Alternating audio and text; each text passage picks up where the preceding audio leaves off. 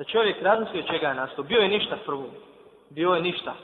Pa Allah Želešanu dao iz te neznatne tekućine, kafi, ljudskog sjemena, dao je, stvorio je ovog insana koji vidi, koji čuje, koji razmišlja, koji rezonuje, može da razluči šta je dobro, šta je loše, koji radi raznorazne postupe i radnje i kojima se sam divi.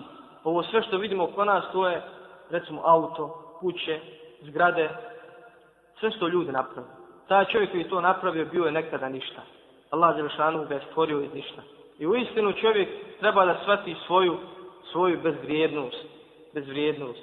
Kako je sebi dopustio da kada je bio ništa, da se suprostavi i da se da bude nepokoran onome koji ga je stvorio iz ničega, koji ga je obskrbio, dao mu vazduh da može dihati, dao mu svjetlo sunca da može obskrbu pribavljati dnevno, dan, dao mu noć da se odmori, dao mu vid, dao mu vid da, da vidi, dao mu noge da hodi njima, dao mu zdravlje, dao mu jezik da priča, da se sporazumijeva, sve što blagodati koje čovjek ne može da nabroji. Kaže Allah Želšanuhu, وَإِنْ تَعُدُوا نِعْمَةَ اللَّهِ لَا تُحْسُوهَا إِنَّ الْإِنسَانَ لَظَلُومٌ كَفَّارٌ Kaže, kada bi vi Allahove blagodati brojali, ne bi ih mogli pobrojati.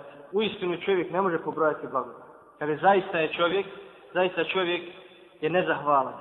I zaista čovjek nepravdu čini. Jer u istinu je zulum veliki da onaj vid koji ti je dao gospodar svjetova stvaralac koji te stvorio iz ničega, da ga, da pogledaš njime haram. To je zulum. Da one uši koje ti Allah žanu dao da čuješ, da pogledaš, da slušaš njima haram. Noge koje ti je dao da njima hodiš, da ideš, da poraćaš njima u haram.